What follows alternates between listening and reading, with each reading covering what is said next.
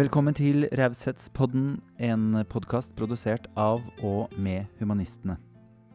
Raushetspodden kommer ut hver fredag, og du kan høre den der du hører podkast. Mitt navn er Tore Petterson, og dagens gjest er ingen ringere enn Sissel Gran. Sissel Gran er psykolog og spesialist i samlivsrelasjoner. Og eh, det blir spennende å høre hva hun tenker om eh, hva slags raushet som kan forventes i et ekteskap, i et parforhold, vennskap eller i verden for øvrig. God fornøyelse. Da var det fredag igjen og tid for Raushetspodden, og vi skal snakke om raushet og alt det andre som faller i hodet vårt. Og i studio i dag Jeg har jo um, Jeg føler på en måte at jeg har mye hobbyer, men en av hobbyene mine er å følge den dama her. så jeg er litt starstruck, så jeg jobber litt med å holde meg nede. Er ikke det rart? Eh, hvordan man på en måte plutselig har, får noen mennesker som betyr litt ekstra mye. Men med meg i studio så har jeg deg, Sissel Gran. Hjertelig velkommen. Å, tusen takk. og takk for at du sa det du sa. Det, ja. var, det var for meget, damen. Ja, å ja, ja. Nei, det er egentlig ikke for meget for meg, fordi uh, jeg ville ha deg med i Raushetsbåten, og da fikk jeg tilbake Nei, jeg har ikke vært raus i det siste, uh, så det syns du var rart. Men, um, men, for meg har du vært raus fordi du hele tiden øser av din kunnskap og gir så mye inspirasjon. Og jeg snakket faktisk med min far i dag, som sa ja, jeg satt og leste på en bok av hun, uh, og tenkte hvorfor har han ikke pod med henne? så sa jeg det skal jeg ned og gjøre nå. så det syns jeg er veldig gøy. Så morsomt. Du, Vi skal prate om raushet, og vi skal gjennom mye forskjellig. Jeg har jo selvfølgelig flere hundre ting jeg har lyst til å snakke med deg om. Vi skal ikke snakke om flere hundre ting, eh, men jeg kan introdusere deg for de som kanskje ikke ennå har oppdaget deg. Du er psykolog, eh, forfatter, samlivsspesialist. Eh, du har en podkast sammen med Katrine Sagen eh, som heter Kjærlighetspodden. Eh, og er spesialist i klinisk psykologi og familieterapi. Da har vi liksom tatt det formelle. Um, og du eh, har kommet ut med flere bøker. Og det er jo der min hekt på en måte startet. Begynte med bo boken som heter 'Hekta'. Eh, som handler om den forelskelsen man, man, tror er forelskelse. Mm. Men så er det ikke det. Um, og det er slutt. Så var den andre boken jeg leste, som uh, gjorde om på alle forholdene mine. Mm. Som jeg har hatt. Altså, hvordan jeg så meg selv i en situasjon. Eh, 'Kjærlighetens tre porter' og 'Størst av alt er begjæret' er vel det siste. Og så var det 40-årsgaven min 'Inni er vi alltid unge', som selvfølgelig måtte ligge på gavebordet da jeg ble 40. Eh, men jeg vil først, eh, før vi kommer inn på alle disse tingene her, si hva er du mest opptatt av akkurat nå, Cecilie? Ja, ja, det skal jeg si. Um, I går var jeg og snakket for en uh, gruppe um, på Modum, altså behandlere. Og de har jo ikke sett folk på aldri så lenge. Og nesten ikke sett hverandre heller. Så der satt de med god avstand. Mm. Uh, og da det var to år siden jeg skulle vært der. Ja, ikke sant. Så nå er jo alt sånn utsatt. Så nå driver jeg og gjør alt sånn som jeg skulle gjort for to år siden. Og det ja. blir litt sånn rart for meg. Ja, jeg kjenner til det. Ja, Så da snakket jeg om aldring. ikke sant? Og så har jeg virket ankelen, altså tråkka over, som det heter. Ja. Så jeg, jeg merker alderen veldig. Mm. Um, så, uh, nå begynner det å gå litt bedre, jeg kan gå litt fortere. Men det er klart at når du går på gatene og på fortet og prøver å gå inn i en butikk og sånn, og du halter, ja. så kjenner du så kjenner du deg plutselig Altså du kjenner deg mye eldre enn det du er. Ja, det er ja. Og så ble jeg 70 år i sommer, ikke sant? så det, jeg kjenner veldig den uh, og, og, det er veldig rart, skjønner du å være 70 år og inni være ganske mye yngre enn ja. 70. Men å vite og erkjenne og akseptere at det er jeg. At jeg nå er på en måte virkelig på vei inn i alderdommen. Og det mm. er, eh, så jeg er litt opptatt av det akkurat nå. Om det tror jeg mest er pga. ankelen. Altså. det er det minner meg, ja. for det minner meg på det hele tiden. da. Ja. ja. Du, I boken 'Inni er vi alltid unge' så starter du med at du er ute og går, og så ser du plutselig din mor ja. i et uh, speilbilde ja. i en butikk. Ja, jeg går forbi Norske Teatret, ja. og så ser jeg plutselig moren min. Um, litt sånn tynn, lang, steil uh, gange. Mm. Og det er litt sjokk at jeg plutselig får øye på henne. Og så skjønner jeg i løpet av tiendedels sekund at det er meg. ikke sant? At, eh, at jeg, alt det jeg har gjort for å forsøke å ikke bli seende ut som henne, det er helt forgjeves. Mm. ja, ikke sant. For der hun kryper frem i meg da, på alle måter. ikke sant? Og eh, nå, jeg aksepterer jo det veldig nå, men det var veldig sjokkerende i starten. Mm. Mm. Så, men jeg tror at veldig mange opplever det der ja, ganske tidlig, kanskje. Altså, at foreldrene liksom kryper fram igjen. Ja. Mm. Det kan jeg skrive under på. Mm. Um, jeg har mobiltelefonen min full av tannpirkere, f.eks. Mm. Som var det verste jeg visste. Mamma tok med seg tannpirkere fra restauranten vi var på. men så skjønner jeg praktisk Ikke sant, Nå har jeg kommet opp i en alder hvor jeg tenker sånn Men det er jo veldig lurt, for de har dårlige tannpirkere noen steder. Ja. Og da har jeg alltid med. Nei, vi gjør det. Det, er det der med, med å, å, føle seg ung, da. Tror du, mm. tror du vi liksom har Eller er det bare jeg som føler at, at vi har blitt yngre på et eller annet vis? Ja, men vi er det. Ja.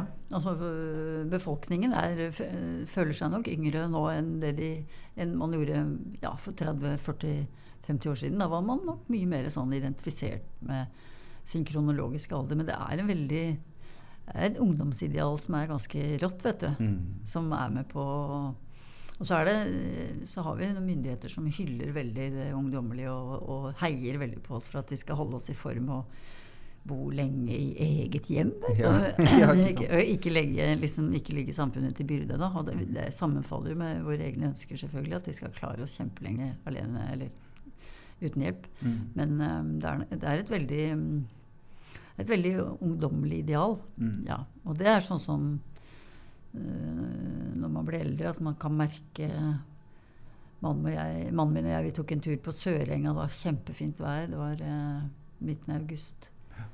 Og vi var, altså, vi var omtrent de eneste der. Han har hvitt hår, altså. Det var liksom sånn eh, ja, han sa da vi gikk liksom Nei, her er jeg håret i suppa, altså. Vi snur.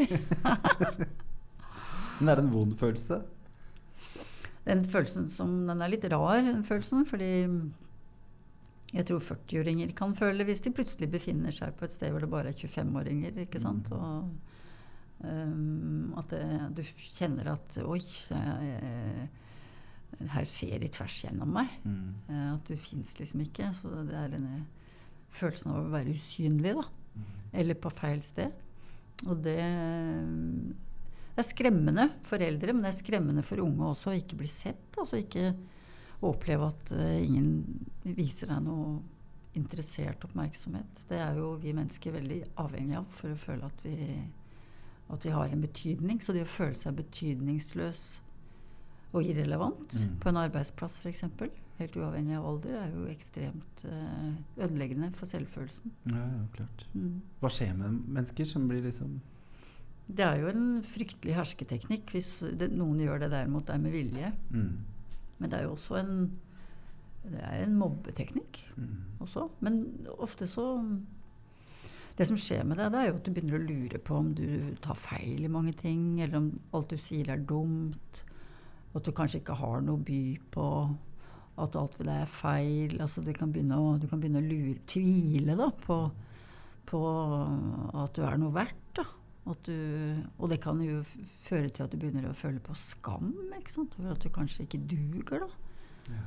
Uh, så det er ganske uh, alvorlig um, å utsette andre for det. Noen gjør det jo uten å at de vet at de gjør det, mens andre gjør det jo nettopp for å, for å bruke makten sin. Ja. Men det er kanskje et resultat av den verden vi er i, som du sier. At det er så, det er så mye påvirkning på at man skal være ung og være tynn og være sprek og være alle de tingene. ja, du skal man, være fresh, ja. og så skal du være ny. Mm. Er? Ikke sant? og så skal alt skal jo fornyes hele tiden. Og alt, og det er en Jeg tenker jo at det ideen om det butter jo også veldig mot liksom, det tradisjonelle, eller mot aldring, eller mot altså, det varige. Mm. Altså at uh, du skal være kreativ, du skal liksom være innovativ, du skal være nytenkende. Det er liksom ingen som i en stillingsannonse etterlyser en rolig eh, Som liker ting som de var før? Som lik, eller som liker ting som de er nå. Ja, eller, ja. eller, som er på en måte er, har en beroligende vesen. Nei, du skal være liksom sprudlende og og ny, og fornyende og, og, og, litt sånn utadrettet og ekstrovert. Og det er noe herk, vet du. Ja, det er det. Ja. Fins det folk som er liksom rent introvert og ren utrovert? Jeg tror de fleste er en god miks. Altså, men har, mange er jo mer introverte enn ekstroverte. Og de får ikke så mye kred i samfunnet. Altså. Um, det, for det er liksom de veldig utadvendte, sosiale De som liksom uh, syns godt, da. Mm. Som også får oppmerksomheten. Og det Koronatiden har jo vært en ganske god tid for en del introverte. Da. Det ja. sier de jo. ikke sant? At jeg har aldri hatt det så deilig. For det har ikke vært så store forventninger til at jeg skulle være så sosial og omgås så mange og være her og der. Og har liksom fått være litt i fred. Har vi liksom hengt oss opp i liksom én måte å være på? Iallfall den må måten som Hva skal vi si? Jeg syns at det er en sånn eh, det er sånne fyndord. Hvis du tenker på hva er liksom fyndordene Det er liksom valgfrihet. At du skal eh, altså, At mennesker liksom skal ha alle muligheter. Ikke sant? At du skal kaste deg etter din drøm, og at du skal du kan bli den du vil, og det er bare tull. ikke sant? Du kan ikke det. altså Det er mange valg som er tatt for deg mm. lenge før du kommer ut av mors liv. ikke sant? Sånn at det er jo en, en idé jeg syns er veldig komplisert, og det er en politisk idé òg, ikke sant? Um, jeg har lurt på det. Hvor mange, mange, generasjoner er det som skal ødelegges av liksom, du kan bli hva du vil? Ja, vi kan jo spørre. Mm. For man kan jo, ikke det. Kan ikke det. De legger et veldig stort ansvar på alle unge som mm. blir tutet ørene fulle med det hele tiden. Ja, for det, det Hvis du ikke får det til, så er det din skyld? det er jo en ganske stor belastning. veldig stor belastning, for det er jo en veldig individualisering i samfunnet. ikke sant? Man ser bort ifra kontekst og hvilke sammenhenger du faktisk lever i. Det var en interessant uh, reportasje om det fra Bjørndal uh, videregående skole om, disse, om fire som gikk på yrkesfag. Og mm, som skulle ut til lærling i praksis. Og samtlige fikk nei. Altså eh, fra ulike virksomheter, bedrifter, ja. i det øyeblikk de sa hvilken skole de kom fra. Ja. Da var det absolutt ingen interesse for dem, selv om de hadde like bra karakterer som de som kom fra andre skoler rundt i byen, som i stor grad får ja. Så det er en sånn Så det er stopp stoppes jo den. Da stoppes jo de unge med knyttneveslag rett i trynet, samtidig som de får høre hele tiden at du kan bli hva du vil, og du kan få til hva du vil. Så det er jo det er et rått parti. Ja, det er det. Ja, for det er jo liksom sånn Ta på den utdannelse. Det er liksom det kjemper de jo hardt for. At alle må ha en utdannelse, og alle mm. må jobbe hardt og jobbe fint. Så skal du få noe fint i enden. Ja, ja. Det er ja. jo løgn og spetakkel. Ja, altså du skal jo gå den veien nå, ja, ikke sant. Ja. Du skal ikke, for jeg tenker, og Stakkars unge som også blir tuta ørene fulle med at de må liksom nærmest begynne med pensjonssparing før de er ferdig på skolen. ikke sant? Mm. Og da tenker jeg, hva blir livet da, da? Hvis livet bare er på en måte et sånn hekkeløp? da? Du skal hoppe over denne hekken etter den andre, og så liksom målet ligger langt der fremme.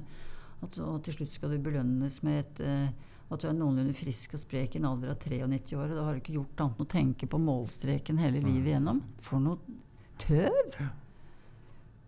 Det er eh, Jeg syns det er en eh, litt eh, syns det er en politisk feilaktig måte å, å tenke på. Altså det er Så vi må ha et skifte her. Ja, kanskje vi må ha et skifte her. um, Nei, for jeg, Vi skal jo snakke om raushet. Mm. Og jeg tenker jo at mye har blitt rausere. Mm. Hvis du tenker på kaffekjerringa på 50-tallet. Oh, ja. uh, men vi har liksom noen, noen steg igjen å gå. Hvor, har du noen tanker om det? Hvor er det, hvor er det vi mangler raushet? Hvor er det vanskelig ja. å gi raushet, mm. liksom? Det er dobbelt det der, syns jeg. Fordi, for jeg er jo vokst opp på 50- og 60-tallet, og det var jo veldig det var jo veldig konformt. 50-tallet var jo virkelig konformitetens tiår. ikke sant? Husmortidens sånn glanstiår. Glanstid, ja. ja. Og hvor det, vi ungene vi ble børsta vekk som insekter omtrent. Altså gå ut og lek, og ikke kom inn her. Og, og det var mye kjefting og fy, og det var mye lydighetstrening. Så det var ikke veldig raust. Vi var mange av oss iallfall redde for læreren. og Det var å sitte pip stille og stille opp i, på rekke før du gikk inn i klassen. Og jeg, jeg husker jeg var ganske, jeg var ganske redd eh, skolejente, jeg, altså. Så det var ikke en raus tid. Så det ble jo veldig deilig på 70-tallet når det ble rausere. Men jeg syns liksom Så det er jo det er mye Det er som du sier, du har veldig rett i det. At det er eh, Og jeg husker jo veldig godt Jeg hadde jo en kjempegod venn som het Svein. Han var fem år eldre enn meg. Og alle kalte den for Jenta. Og du kan jo sikkert tenke deg hvorfor. ikke sant? Han var jo sånn som organiserte alle oss unga i gata med sirkus og greier. Han var verdens vidunderligste mann. Han ble også skuespiller. Mm. Men han var jo en homofil fyr, ikke sant. Og det, vi skjønte jo ikke det. Men, men, men de voksnes forakt Ikke moren min, for moren min var veldig raus. Um, men det var veldig Og det var forferdelig for han å bo i den lille byen hvor vi bodde. Uh, så han flykta jo til Oslo så fort han bare kunne. ikke sant? Mm, okay. Så det, sånne ting var grusomt uh, på den tida. Jeg tenker på mange av de ungkarene som vi visste om den gangen. Vi skjønte jo ikke at det var karer som De ville jo ikke gifte seg, for de ville jo ha en mann. ikke sant? Mm. Det var jo ingen som snakket om. Så de var bare ungkar og spellemann, de, mm. som det het den gangen. Ja, hvis du husker det uttrykket der. Flørtete og danset og Ja. ja. ja det var, men det var jo, poenget var jo at de, de, kunne ikke velge en partner, ikke sant. Og de måtte Det var en påtvunget situasjon å leve aleine. Nei, så, så der, det, har der har vi kommet uh, gudskjelov et langt stykke. Mm. Men hva er å være raus?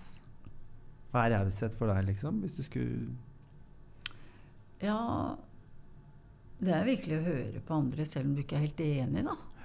Uh, for noe jeg er veldig redd for nå, det er sånn polarisert konflikt mellom unge og eldre. Mm. Altså hvor de unge er forbanna på de eldre, og de eldre rakker ned på de unge. Altså, for jeg vil Vi må bygge bro. Altså uh, vi må bygge bro mellom unge og eldre, for jeg syns at det er mye Altså at det er litt Der er det lite raushet, syns jeg, på begge kanter.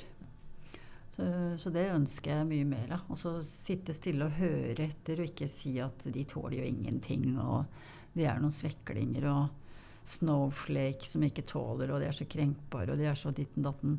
Og da sier jeg til folk på min alder som sier at men husk på her, deres virkelighet er helt annerledes enn vår.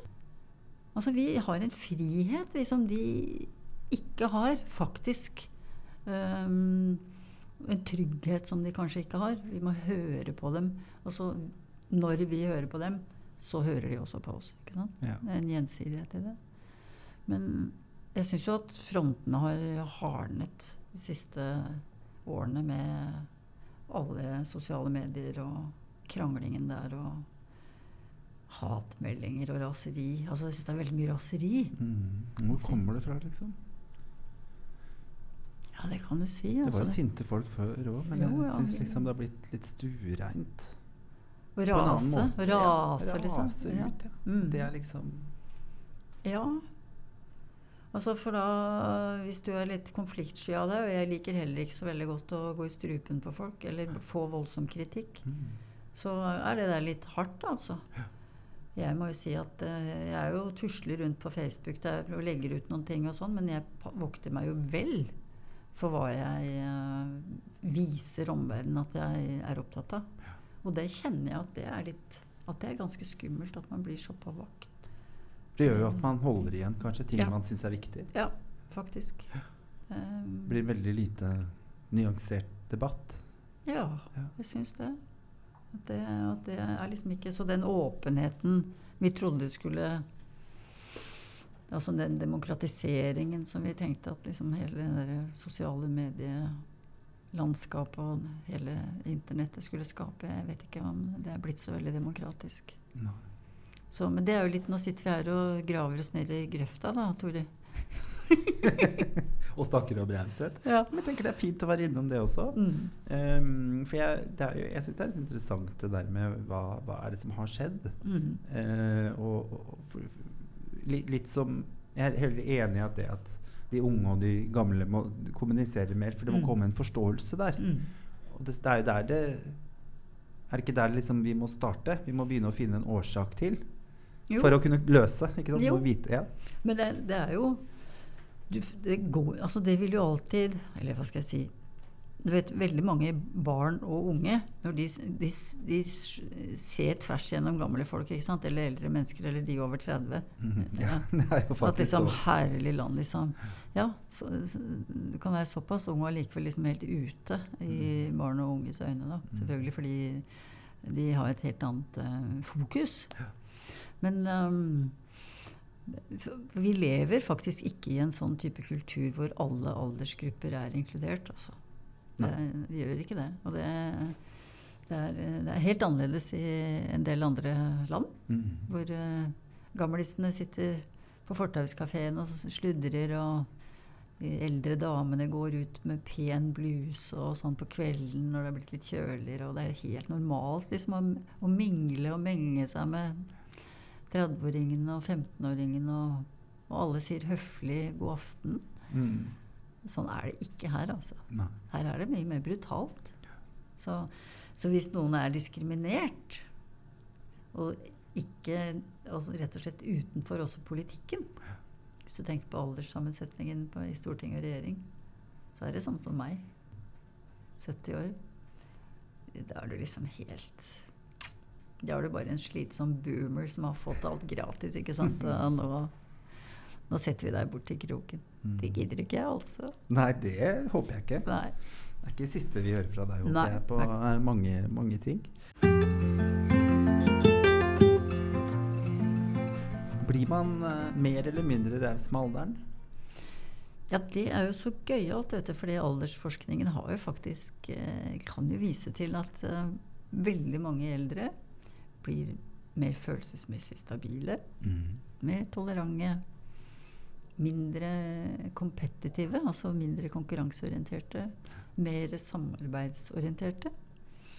Um, ja. Og, og, blir ikke så opptatt av å fremheve seg selv og vinne diskusjoner eller um, og det starter ja. tidlig, ja. syns jeg. Mm, jeg er litt der allerede. Ja, ikke sant? Ja, men du begynner å bli voksen. Ja. ja.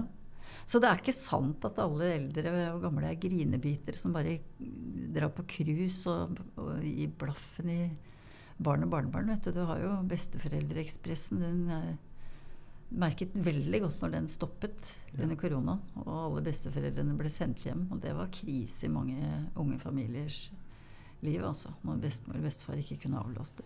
Ja. For det gjør jo de veldig mye.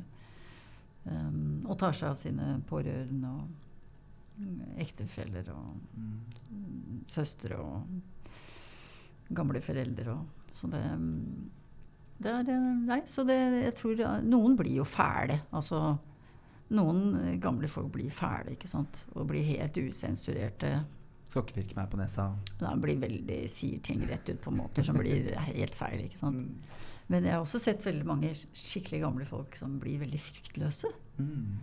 Har, ja, for det er jo litt det det er, da. Mm -hmm. Jeg tenker jo ofte det. Eh, ja. Karen kaller det det i USA. De damene som ikke har De bare kjører på. La meg snakke med sjefen din, damene. eh, at, de, ja, at de blir mer fryktløse. Så opplever jeg kanskje mennene eh, nå, begynner, nå, er jo min far uh, litt eldre enn deg, men mm. han også hadde liksom et tidspunkt hvor han plutselig bare sånn ringte meg. Og tenkte jeg sånn Nå har det skjedd noe gærent. Oh. han, da ble han plutselig Da skulle han ta kontakt. Yeah. Og det opplever jeg flere som sier. At sånn når pappa bikka 65, så var det et eller annet som skjedde. At han ble mer følsom. Han ble mer mm. Ja, ville vil være med. Mm. Han kjente på sitt tilknytningsbehov, for mm. da var arbeidslivet over. ikke sant? Mm. Og, og, da kjenner kanskje mange menn da at nå vil jeg egentlig veldig gjerne være litt mer med de voksne barna, men har de tid til det da? ikke sant? Ja, så det er litt sånn... Man høster kanskje litt det man sår òg? Lite grann, tror jeg. altså. Vanskelig for noen. Plutselig skal pappa begynne å blande seg inn. ja, ja, ja. Men det rare er vet du, at uh, foreldre som har vært veldig sånn, på giversiden og varme og sånn, risikerer at barna gir litt bengen i dem. Altså. Veldig mange barn de sirkler mer rundt de der litt håpløse foreldrene som om de skulle være en sort sol. ikke sant? Skriver Nina Lykke om i en av sine bøker mm. som heter 'Nei og atter nei'. Om hvor um, urettferdig det kan føles for veldig vennligsinnede foreldre som virkelig har vært der hele tiden. At de, får, eh, de blir som tatt som en selvfølge, mens de helt håpløse, psykisk forstyrrede, ganske slemme foreldrene får ekstremt mye oppmerksomhet av sine veldig slitne barn. Mm. Men det er jo fordi de barna har fra tidenes morgen vært foreldrenes foreldre. Ja, ikke sant. Ja. Så da vi er egentlig inne på, da er vi på Det er en annen liga, kan du si. Ja. Mm. Annet tema. Men jeg kom på litt sånn der, er så ofte de sier sånn Ja, nei, barnebarn er jo homofil, men vi kan jo ikke Kan ikke dele det med bestefar nå, eller Mormor må vel kanskje slippe det.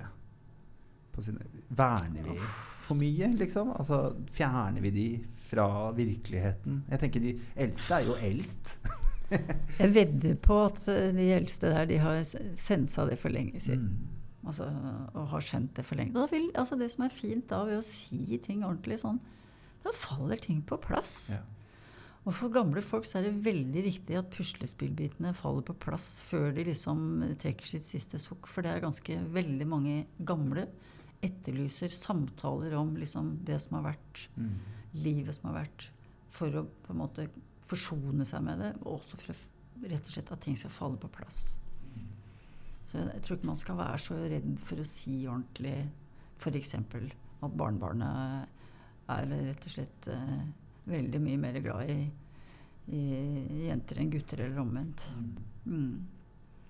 Og, er, og da vil ofte bestemor si at ja, men det har jeg da visst bestandig. Ja. Ja. ja, for det er jo noe Ja, jeg bare tenker på den følelsen liksom Som du sa også, da, at vi er litt sånn outcasts på en måte i samfunnet. At, at Det er kanskje ikke så rart at de heller føler veldig på det når de blir fjernet fra De merker at det er noe, men de blir ikke tatt med inn i det. Mm. Det er en respekt i det, tenker jeg. Og så får de heller bare ikke takle det hvis de ikke gjør det. Ja, ja, klart det. Klart det. Hvorfor skal du Nei, for den skåningen kan være veldig feil. Mm.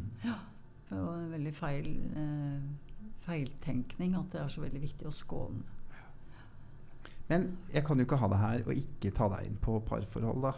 Nei. Det er jo det jeg liksom uh, bruker, deg, bruker deg til, hvis det går an å si det. Ja. Ehm, og du har skrevet eh, mye bøker. Jeg er liksom blitt opptatt av at jeg kan ikke liksom være avhengig av en annen persons kjærlighet, for da kan de ta den fra meg. Mm. Um, og det er vel litt det hekta handler om, den boken du kom med som handler om det derre begjæret. Du har en så morsom historie om en rotte, og den drar jeg frem. If, ja. om igjen og om igjen. Mm. Eh, kan du ikke fortelle den kort? Jo, det er jo Da jeg skulle skrive liksom, hva er et hekt, sant? for det var jo ikke noe begrep. Men jeg syns jeg så det ganske mye. ikke sant? Og det, den der litt fortvilte uh, jagingen etter hengivenhetstegn da, Ja. som, uh, som preger mange. Både kvinner og menn. Kanskje flest kvinner, men også noen menn. ikke sant? Og det, for, for det som ehm, Det som virker på rotta eller duen eller, og på mennesket, det er liksom at du får belønning med ujevne mellomrom. Ja. Altså periodisk belønning. Intermitterende forsterkning, som det heter på læringsteoretisk språk. Og det var jo en som het BF Skinner, som, hadde, som var læringsteoretiker. Mm. Og som gjorde forsøk med rotter og duer i sånne bur, da. Med en sånn med en liten spake inni og en sånn um, trakt inn. Hvor du da kunne slippe en pellet inn til En liten godtebit. liten godtebit. Mm. Ikke sant? Uh, og så ville han jo finne ut hva opprettholder denne trykkingen på spaken lengst. Hva slags type uh, stimuli.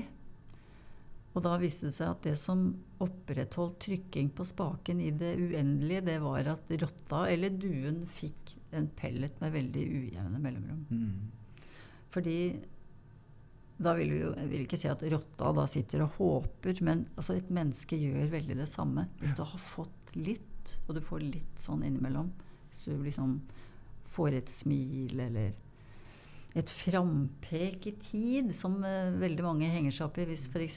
den utkårede da, eller den tilbedte sier sånn en passant ja, kanskje vi skulle ta en tur til London en gang, du og jeg. ikke sant? Åh, Ja.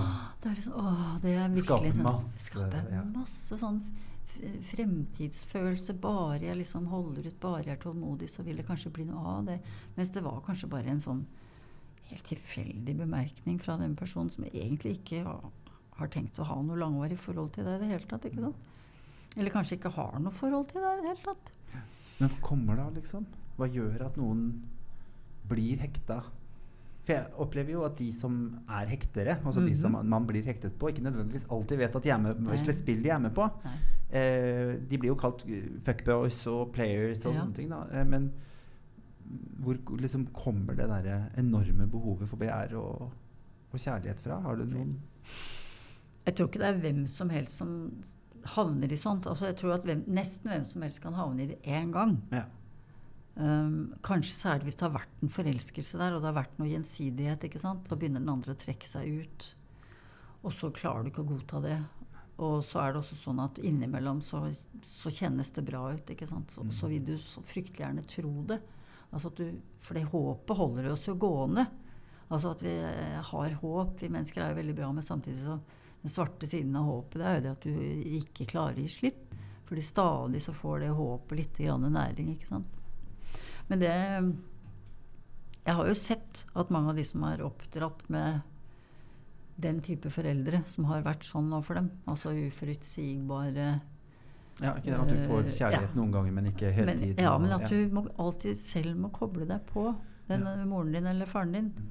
Fordi moren din eller faren din har liksom egentlig ikke tid til deg, eller eller er veldig øyeblikksbegeistret for deg. Mm. Og, og, kan si sånn 'Å, jeg elsker deg, og det er fantastisk, og du er nydelig du er.' ikke sant? Men nå må jeg gå. Jeg har det altså, hvor det er Eller hvor det er eh, utrygt. Hvor du, hvor du blir knuselsket liksom, med klemmer innimellom, og så er det ingenting en lang stund, kanskje. Du, og det som skjer med sånne barn, det er at de sliter og strever med å koble seg på og gjør seg veldig tilgjengelig for foreldrene. Sånn at det er de som hele tiden blir oppmerksomme på foreldrenes signalsystem og er alltid beredt for å koble seg på i det øyeblikk mamma eller pappa faktisk virker tilgjengelig emosjonelt. for å si det sånn. Hvis, så er de på, ja. ja mm. og, da, og, da, blir du jo trent i det fra du er liten til å være på vakt og lete etter og se etter eller være oppmerksom på sånne hengivenhetstegn. Og så tror jeg også at mange da begynner å tenke at det er det som er kjærlighet. Det er når jeg får den følelsen igjen, når jeg har truffet en eller annen, da handler det om kjærlighet. Ja. Mens det handler egentlig om at du er programmert. Det høres jo helt håpløst ut. Det er skikkelig håpløst. Et lag til da, i den vanskelige ja, greia det er å være, ja. finne noen å elske. Ja, det er det. Altså. Men dette er jo ikke, alle driver jo ikke med dette. Men det er noen av de som er hardnakka hektofre, som har hatt en premiepappa eller premiemamma, altså en som har vært vanskelig å få tilgang på. Mm. Rett og slett. Om, uh, hvor du skulle være veldig glad hvis pappa eller mamma liksom gir deg oppmerksomhet eller er der for deg. Ja, for man, Det er jo det som er så rart, at man lærer, hvis man leter etter den som barn For det er mange som sier nei, barndom er barndom, og den er jo ikke noe, liksom. Men vi tar det jo med oss. Oi, gjett om, da. Blir liksom den du er. At man jeg merker jeg er lillebror av min familie. Ja. Og jeg merker jeg er så ofte lillebror i settinger. Ja. Jeg kjenner jeg har veldig vanskeligheter med det. Jeg klarer ikke å snappe ut av det. Nei. At jeg blir han lille som fikk lov å være med. Ja. Det er den følelsen jeg ofte går inn i. Og da skal du være takknemlig kanskje i tillegg. da. Mm, og så skal du være blid og hyggelig og glad for å kunne være der og alt det der. Det er vanskelig for deg å være sur. Mm. Ikke sant? Nei, og, Eller si at 'dette gidder jeg ikke', eller ha det. Nei, nettopp. Guri meg, ja. Nei, vi drasser på det, altså. Vi gjør det, altså. Ja. Så, ja. Men raushet er liksom ekte altså, Grunnen til at folk går fra hverandre Er folk rause med hverandre?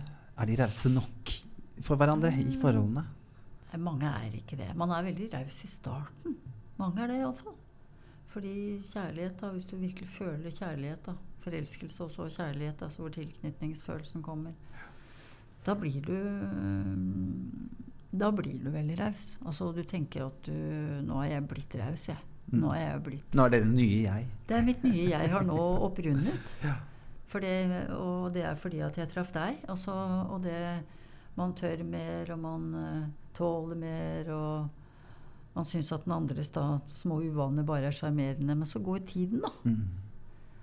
Uh, og så opplever mange at de blir mindre og mindre rause. Det er vel noe jeg har sett med mange par. Nå kommer jo bare de som har det trøblete, til terapeuten. Så vi har jo en litt sånn skeivt utvalg, sånne som meg Men er, det, treffer, er ikke det dumt? Jeg og min jo. kjæreste nå er, vi, nå er, det akkurat slutt, da. Det har de fleste fått med seg, tror jeg. For det har ja. vært forlastre overalt. Men, ja, men, vi gikk jo til parterapi fra dag én, nesten, vi. Ja. For jeg sa bare jeg har så mye historie. jeg har så mye forhold. Jeg føler at jeg har noen mønstre jeg har lyst til å bryte her. Så vi begynte med det. Ok, det reddet ikke dette forholdet, men vi kommuniserte jo ekstremt godt. Er det ikke synd at folk liksom kommer når alt, alle totter brenner, på en måte? Jeg er helt enig, men det kan jo hende at dere da kan fortsette å kanskje ha et slags vennskapelig forhold, ikke hate Absolutt. hverandre. Ja, ja, ja. Jeg var feira bursdagen på torsdag. Ja, mm. nettopp. Det, fordi mange legger jo partneren for hat, altså fordi, fordi, de faktisk ikke får rydda opp i noen ting. Mm. Men, så det er jo raust. Det dere har gjort, er jo allikevel raust, ikke sant? Nei, jeg syns det er veldig mange par som er utrolig urause mot hverandre, og veldig kritiske. Negative.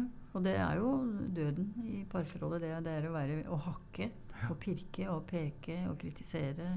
Eller å drive med steinansikt. Stonewalling. Ja. Altså rett og slett å ignorere det den andre sier, og bare slutte å gi den andre positiv oppmerksomhet. Liksom bare holde ut. De forholdene går, de går jo i stykker. Ja. ja, ja, ja. Det motsatte av kjærlighet er uh, likegyldighet, mm -hmm. uh, leste jeg. Det er sant, det. Mm. For hvis du er rasende Det er jo, det er jo håp i forhold hvor de sitter og er rasende på hverandre. ikke sant? Fordi i det så ligger det jo et ønske om å komme nærmere. Ja. At du kaver, sliter og kjefter og strever for å, fordi du vil gjennom lydmuren hos den andre. ikke sant? Men det når det blir helt sånn taust og kaldt, um, noe som er farlig å bli utsatt for, som vi snakket om i stad, det, det, er, det er slutten for mange forhold. For da, da, sier jo mange som jeg har snakket med, at jeg følte at jeg døde. Ja. Og jeg måtte redde meg selv. Jeg greide ikke å være det. Jeg ble et menneske jeg ikke lenger kjente igjen. Jeg skjønner ingenting. Og sånn kunne jeg ikke være. Jeg ble en våt klut, eller jeg ble en sutrekopp, jeg ble en kjeftekjerring, jeg ble en hurpel, jeg ble en drittsekk, jeg ble en fæl mann. Sånne ting. Dra fram det verste. Ja, dra fram det verste. Altså, mm. For du kom jo med en bok som heter 'Det er slutt'. Ja. Og den har tvunget mine foreldre til å lese. Og den har jeg, nei, da, de, det her har de så godt av. Og de likte den jo godt, da. Og jeg har flere venner som har kommet igjen med den hvor partneren har blitt litt nervøs. Når det står liksom 'Det er slutt' med store bokstaver. Ja, Men det er en viktig bok. Det er en bok som tar opp den historien som sjelden blir hørt. Den som valgte å gå. Mm. Um, og, og uh, det, er så, det, er del sånn fine Jeg tenker liksom Hvis du er i et Det er jo ikke en bok Eh, du nødvendigvis bare skal lese når du er på vei ut av et forhold. Mm. Men det er for å redde et forhold også. Det der å vite litt ting. Og det, en av de tingene som jeg hang meg veldig opp i, var den uh, Legg fra deg mobilen når den andre snakker. Mm. Den derre At du får hele oppmerksomheten, mm. på en måte. Sånn i forhold til den rausheten. At du mm. bare glipper over liksom, når, når, kona eller mannen din står og forteller noe som er vanskelig for dem. At du forteller om mm. dagen sin, som mm. du har snakket om før. Hvor, mens du tar inn i oppvaskmaskinen og du setter på en klesmaskin. Liksom, at vi, er, det, er det lurt sted å starte? Ja, jeg syns det. Altså fordi sånn oppmerksomhetssvikt er noe av det som gjør at man kan bli motløs i et forhold. Mm. Det gjelder uavhengig av alder og kjønn og legning og alt. At uh, hvis du opplever at du bare får liksom et, et, et, halvt øre, og det stadig er sånn, så vil, det, så vil du trekke deg unna. Fordi du blir lei deg.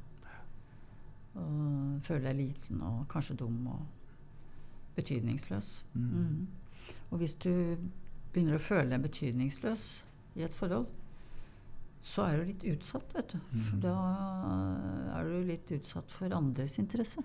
Ja. Så hvis du da treffer en gamlekjæreste på bar eller på Facebook, så er du litt uh, som sier at 'Å, så hyggelig å se deg', liksom. Mm. Du er jo den samme. Uh, Endelig møte noen som gir litt. Ja, så da er du litt utsatt for å, for å bli trukket ut da, mm. av det forholdet du er i, som du kanskje egentlig hadde lyst til å være i. Så da er det det jeg kaller fordi Hvis du er litt sånn føler deg betydningsløs, så er det jo det jeg kaller en førforelsket tilstand. Ja. Rett og slett. Så, og det viser jo parforskning og, så, og, og spedbarnsforskning. At hvis du ikke gir oppmerksomhet, f.eks. småbarn og mobil Det er jo virkelig noe av det skumleste som fins. Ja, det at mor hele tiden sitter eller, på mor eller far bare sitter med telefonen sin. Ja, mor og far, ja, unnskyld. Bare, ja, det blir det bare ikke sant? For vi ser jo det ofte. Hvor barn liksom sitter i vogna og kaver for å få oppmerksomhet. Og de får bare et halvt øre. Fordi vi får ikke så mye informasjon om det, på en måte, hva det gjør. Det vet vi jo veldig mye om. Faktisk. Ja, vi gjør jo det. Ja, men jeg syns jo ikke det, det nødvendigvis er det som florerer. Burde vært mer av det på nett, da, kanskje? Ja, det, det som, jeg har masse, og det er jo veldig utrolig fint uh, En fin videosnutt om det av en som heter Tronic, mm. som heter Still Face Experiment. Altså hvor ja. utrolig redde barn blir hvis, uh, hvis foreldrene plutselig bare får denne stivnede maska, eller slutter å gi oppmerksomhet til det barnet prøver å pludre eller si eller gjøre. At det skaper frykt, rett og slett. Og etter hvert eh, protest og masse gråting, og så etter hvert apati. Ja. Uh, og, og, så mennesket trenger oppmerksomhet fra vugge til grav. ikke sant? Mm. Og det er ikke sånn fordi at du skal heies på og klappes for hele tiden, men vi trenger jo andre for å føle at vi fins. Ja. At uh, vi kan speile oss i andre, og at de kan bekrefte oss og på sin måte si 'du er ålreit', og 'du betyr noe', mm. 'Jeg liker deg'. Og ja, vi trenger det veldig. Vi er flokkdyr. Altså. Ja. ja, vi er jo det. Mm. Når syns du det er vanskelig å være raus? Um, liksom føler du jo ofte, siden du er liksom parpsykolog, at folk har veldig store forventninger til deg i ditt eget ekteskap? på en måte? Ja, Guri det, Ja. Jeg har jo snakket mye, jeg òg, om uh, mannen min, vet du. Mm. Ja, Ola. Um, og vi har hatt våre stunder, altså, hvor det ikke har vært noe raust i det hele tatt. Men, å, men, vi ler jo mye av det, ikke sant. Mm. Og jeg vil si han er mye rausere enn meg. Ja. Han er veldig raus overfor meg. Tåler veldig mye av meg. Og, så de gangene jeg kjenner på irritasjon eller tenker liksom, Så må jeg tenke på det hvor utrolig raus han er. Ja. Um, For det er jo litt sånn mm. Mannen min er så dum, og mannen min hører ikke, og mannen min ditt, mm. og mannen min datt, og liksom mm. Ja. Nei, det er jo ja. Kanskje det å kunne få en takk for rausheten innimellom også kunne hjulpet, mm. eller? Ja, det, ja, det det tror jeg veldig mange burde gjøre mye mer. Takke for de små ting. Mm. Um, og se det. Altså se de små ting som uh, partneren faktisk gjør for deg. Um, stiller opp med og alt fra å vaske gulvet til å handle Eller nå har jo jeg en sånn fraktmann altså, som har sylta og safta plommer i hele sommer og stått på stige. Det liker jo ikke jeg, da. Men, uh, og Eh, ordner alt sånn praktisk som ikke jeg Og hvis jeg får panikk over PC-en fordi noe bare forsvinner, så bare kommer han og sier nå skal vi finne ut av dette. Og sånn. Så jeg er veldig heldig med en sånn mann. ikke sant? Mm. Som, eh, men jeg måtte lete for å finne han. altså. Ja. Mm. Har dere vært gifte lenge? Får jeg spørre om det? Ikke så kjempelenge. vet du. Jo, altså vi har vært sammen i 27 år, gift i 25. Det er jo ikke verst. Men, Nei, det er men, det, men, eh, hvis han hadde vært den første mannen min, så hadde det vært mye lenger. vet du. Mm. Så det var ikke noe veldig raust i de forrige forholdene og ekteskapene. Nei. Men um, det er vel sånn Hva skal jeg si? Altså Når du er nede i en bølgedal, det vil de fleste være i et forhold, så tenker jeg at da skal du ikke gå på bar, altså. Eller da skal du ikke gå på skolejubileumsfesten, som jeg pleier å si. Og treffe, treffe en han eller henne som du likte veldig godt den gangen. Ja, det er tøysete sagt. Liksom, for, ja, ja, ikke sant? Fordi at uh, ofte så kommer man jo opp igjen og tenker at guri meg, han er jo utrolig bra. ikke sant? Men um, jeg, jeg, skjønner veldig godt at det er mye vanskeligere for de unge. Mm. Altså, som tenker, og det vet jeg mange tenker, 35-åringene, 40-åringene, for ikke å snakke om 25-åringene skal jeg ha det sånn resten av livet? Liksom? Mm. Er det sånn det skal være? Og jeg skjønner veldig godt at de kaster inn håndkleet. Ja. Men du vet, når du er 70 år, da gjør du ikke det. Altså. Selv om jeg har hatt par på mitt kontor som har vært over 80, og de har hatt lyst til å kaste inn håndkleet. Ja. Men da har jeg sagt til dem at dere, dette her skal vi snakke alvor om altså, en stund. Nå er dere nesten 80 år. Ja. Uh, nå gjelder det å holde fred. Ja. Finne en måte å nå, rydde, opp i, rydde opp i det skrotet som ligger her, og i kjølvannet av dette forholdet, og se hva, hva, hva kan vi gjøre. Er det mye misforståelser? Ekstremt. Ja. Ja, ekstremt. Uh, bare en sånn enkel ting som at uh, Ja, han svarer ikke, ikke sant. Mm. Han er inne i sine egne tanker. Ja, nei, det er, uh, er likegyldig til meg. Hører aldri på meg og bryr seg ikke, og, han bryr seg ikke om meg. og og sånn har han vært i 60 år. Sånn har han vært i 60 år. Men ikke sant, det, Eller iallfall i 30, eller ja, kanskje ja. 10. Men det sier jo noe om hvor farlig sånn oppmerksomhetssvikt ja. er. fordi at det gir så stort tolkningsrom mm. for den andre. Uh, at da kan du liksom lese alt mulig inn i det, og så er det kanskje noe helt annet det handler om. Ja. Jeg har lyst til å spørre deg om Hvis du skal gi et jeg, vi, vi, jobber for et rausere samfunn i mm. Humanistene uh, på forskjellige måter. Hva er liksom ditt hot tips for å skape et uh, storspørsmål og bare få kasta i ansiktet? Jeg vet det, men liksom, hvor burde vi begynne, da? Hvis man skal liksom begynne uh, et lite steg i morgen? Hva kan jeg gjøre for å gjøre et rausere samfunn? Um, Skape. Ja, jeg tenker, da tenker jeg, går jeg straks, da tenker jeg straks politikk. Mm -hmm. uh, jeg tenker at uh,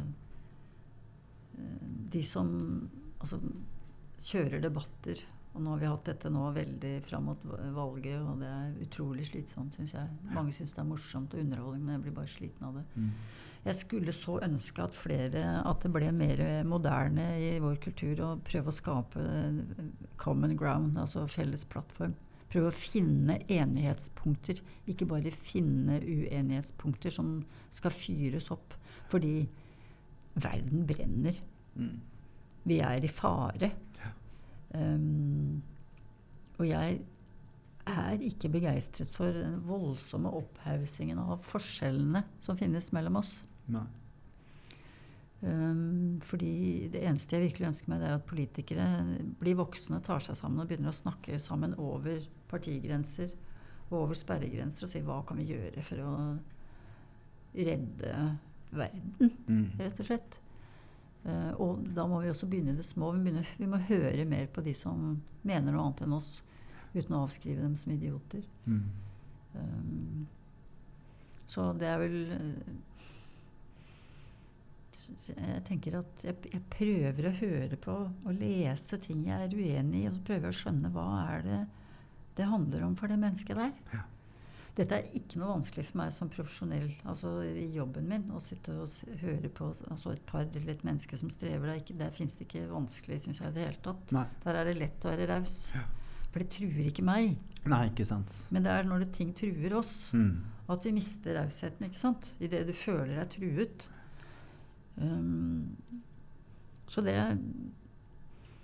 det er et politisk spørsmål. Og det, jeg syns at uh, både politikere og de som formidler politikk, burde tenke mer på det. Mm. Fint. Mm. Hvis du kunne møtt uh, Sissel som ung, mm. hva ville du sagt til henne? Ja, guri meg. Ja, da ville jeg sagt du vet du hva, det er ikke så mye å være redd for, og du behøver ikke å liksom Og du tror kanskje at du Du behøver ikke være så sint på ting, og du kan bare høre litt mer på det folk sier, og, og ikke vær så redd for alt, og si litt mer fra på en ordentlig måte om det du er uenig med. Ikke fres som en røyskatt. Og, eller bli Altså, jeg ville hjulpet henne litt altså, til å roe systemet sitt litt mer. Altså. Og, men også til å si fra litt mer på en ordentlig måte. Ikke gå og brenne inne med ting. Mm. Mm. Jeg tror da hadde jeg fått litt bedre i livet. Ja. Eh, fordi det der har jeg vært veldig dårlig på. Jeg har måttet bruke så lang tid på å finne ut av. Jeg driver fortsatt og kaver med det. Mm. mm. Det der med hvordan si fra ordentlig i livet. Ikke, på, ikke jobben, ikke med parene. Det er ikke noe vanskelig å bryte inn der og si 'hør her, dere'. Men ellers. Ja. Mm.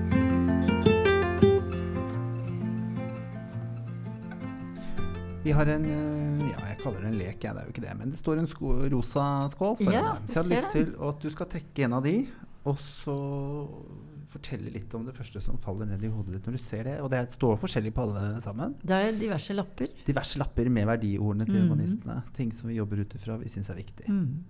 Så vær så god. Ja, da gjør jeg det. Da tar jeg en lapp. Gjerne fortell meg hva det er du får. Skal jeg se. Det er sånn vi gjorde da, da vi var små. Mm. Respekt. Respekt, ja. Mm. Hva er det første som faller i hodet ditt? Ja, da tenker jeg på ah, det var, Jeg kan ikke noe for det, altså, men da tenker jeg på igjen det der med, med For det er litt feil å si at alle skal vise hverandre respekt. Jeg, jeg syns at de som får kanskje nå minst respekt, er gamlisene. Ja. De som er på vei ut, liksom. Som er i avgangsfasen, liksom. At, uh, for det vi glemmer helt, det er at inni er de faktisk ganske unge. Altså. Eller de Mm. har mye å by på. Mye livserfaring. Og selv om du er aldri så skrøpelig altså For det er veldig mange gamle som er skrøpelige. Og skammer seg over det. Mm. Så, uh, så sier de altså Det er en norsk undersøkelse hvor man har intervjuet 100-åringer. Norske Ja. 100-åringer. Og vet du hva de sier? De sier 'Jeg lever et ganske godt liv. Jeg skulle gjerne leve litt lenger'. Ja. Men jeg skulle også veldig gjerne kunne snakke litt mer om eksistensielle spørsmål. Om det livet mitt som har vært, og få ting til å falle litt mer liksom, på plass og inn i folden. Mm. Så at de trenger faktisk et samtaletilbud, mange eldre og gamle, som de ikke får i dag. Fordi, um, fordi det, um, vi tenker at det, det trenger ikke de. Nei. Men, ja. Men uh, jeg tenker det er like viktig å vise unge folk Mm. respekt, men ikke hyllest. Fordi det er ikke noe bragd å være ung. Nei, på ingen måte. Ingen bragd. Det kommer av seg selv, det. Um, men det å høre ordentlig på dem Ja. uh, Og ikke avskrive tankene og følelsene deres som tull. Nei. Eller som 'Dette har du ikke greie på, jenta mi'. Og, for det er en del av det ute og går. Altså du, hvis du bare tenker på hvordan du har en polarisering mellom da eh, miljø, klima, unge folk som er opptatt av det, som er redde for fremtiden sin, og da industrifagbevegelsen og voksne menn som, syns, som føler seg truet Ja. bare ved tanken på liksom å stoppe oljeleting. fordi hva da med livsgrunnlaget vårt, og er det ingen som respekterer det vi har gjort, osv. Så, videre, sånn at, Mm. så de kan komme til å skrike til hverandre og kalle hverandre stygge ting. Eh, så jeg tror det er fryktelig viktig at de eldre virkelig respekterer og hører på de unge, og at de unge også respekterer og hører på de eldre og deres frykt. Fordi under en del disrespekt så ligger det jo krenkethet og frykt. Ja. Frykt for å miste det som er bra. Og frykt for ikke å bli hørt. Og frykt for å være betydningsløs. Ja. Så respekt er et fint ord. Det er vanskelig noen ganger hvis eh, Å vise respekt overfor de som er respektløse. Mm. Det er vanskelig, altså. Men jeg tror det har, jeg har jo opplevd veldig mye respektløs tale på kontoret. Altså hvor folk sier fryktelige ting til hverandre. Ja, ikke sant. Og det jeg sier da, det er jo dere. Det her er vondt å høre på. Mm. For nå snakker dere så nedsettende til og om hverandre at det gjør veldig inntrykk på meg. Jeg får skikkelig vondt av å høre på det. Så kan vi rett og slett være enige med at sånn kan vi ikke snakke sammen her på kontoret mitt. Da blir folk veldig stille. Ja. Og veldig retter seg i ryggen og sier ja, ja men det, det er greit. Ja. Ja. Fordi at man venner seg til en fæl måte å snakke til hverandre på i mange parforhold. vet du. Ja, til det liksom, ja, men Mm. dette, sånn er det jo. Sånn er tonen hjemme hos oss, liksom. Ja, sånn er tonen. At man sier uh, grusomme ting uh, til den andre og syns at det er greit. Og så skjønner man ikke hvorfor det går skeis. Det er jo også spesielt. Ja, men det er et fint ord, det der. Ja, veldig fint. Hvordan, eh, helt til slutt, hvordan eh, ser fremtiden ut i dine drømmer? Du tenker i det store og det hele? Mm, det kan du velge selv, om det er privat eller Ja. Um, privat så ønsker jeg at uh, Hvis jeg skal være veldig egoist, så at jeg skal bli litt sterkere og piggere. Og, og det driver jeg litt med. Ja. Og har en personlig trener, jeg. Ja. En ung oh, ja. mann som heter Nenad. Som ehm, sier til meg de gangene jeg, og særlig nå med dette beinet, når jeg kommer humpen inn på Sats og sier 'se på den gamle kjerringa', og da sier han det. Hva var det du sa? Uh, nei, jeg bare sa 'du snakker nedsettende om deg selv', sier han da. Og det skal vi ikke ha noe av her. Vet du hvor du er? Se deg rundt. Han snakker engelsk, da. Han Ja. kommer fra et sted hvor man respekterer eldre. Mhm. You're in the gym, and you're working out. Don't criticize yourself. For det, um, og det er veldig jeg, Så han irettesetter meg. Så jeg får skjenn. Ja. Uh, når jeg driver med sånn det som aldersforskerne kaller for negativ selvstyretypisering. At jeg ikke er noe verdt, eller at jeg bare er et gammelt uh, skrog. Det får jeg ikke lov til å si. Ja. Så det er, um, er, veldig fint å få oppstrammere av en som er 23 år. Ja, det, jeg heier på han, ja. Det ja. syns jeg var fint. Ja. Det syns jeg jo vi skal ta med oss inn nå mm. på dette. Alle de nedsettende ordene tenker på det med min mobbehistorie, tenker jeg sånn Jo, jo, mm. men det er jo ingenting som slår det jeg sier til meg sjæl. Det er liksom det er alltid verst. Ikke sant. Og det mm. er å snakke seg selv ned. Og det er negativ selvstereotypisering. Og det er litt farlig for oss. Ja. Så når en 23-åring kan irettesette en på 70 år eh, på en god måte, så tenk litt på det. Mm. Mm. Tusen takk for at du valgte å tilbringe denne timen med meg. Tusen takk, Tore, for at jeg fikk komme og være her sammen med deg. Veldig, veldig hyggelig. Takk i like måte. Revsitspodden den er hver fredag, så du kan godt fortelle det til en venn. Og så kan du gå inn på disse appene som fins, og så kan du trykke på fem stjerner f.eks. og komme med en hyggelig kommentar. Tusen takk for at du hørte på.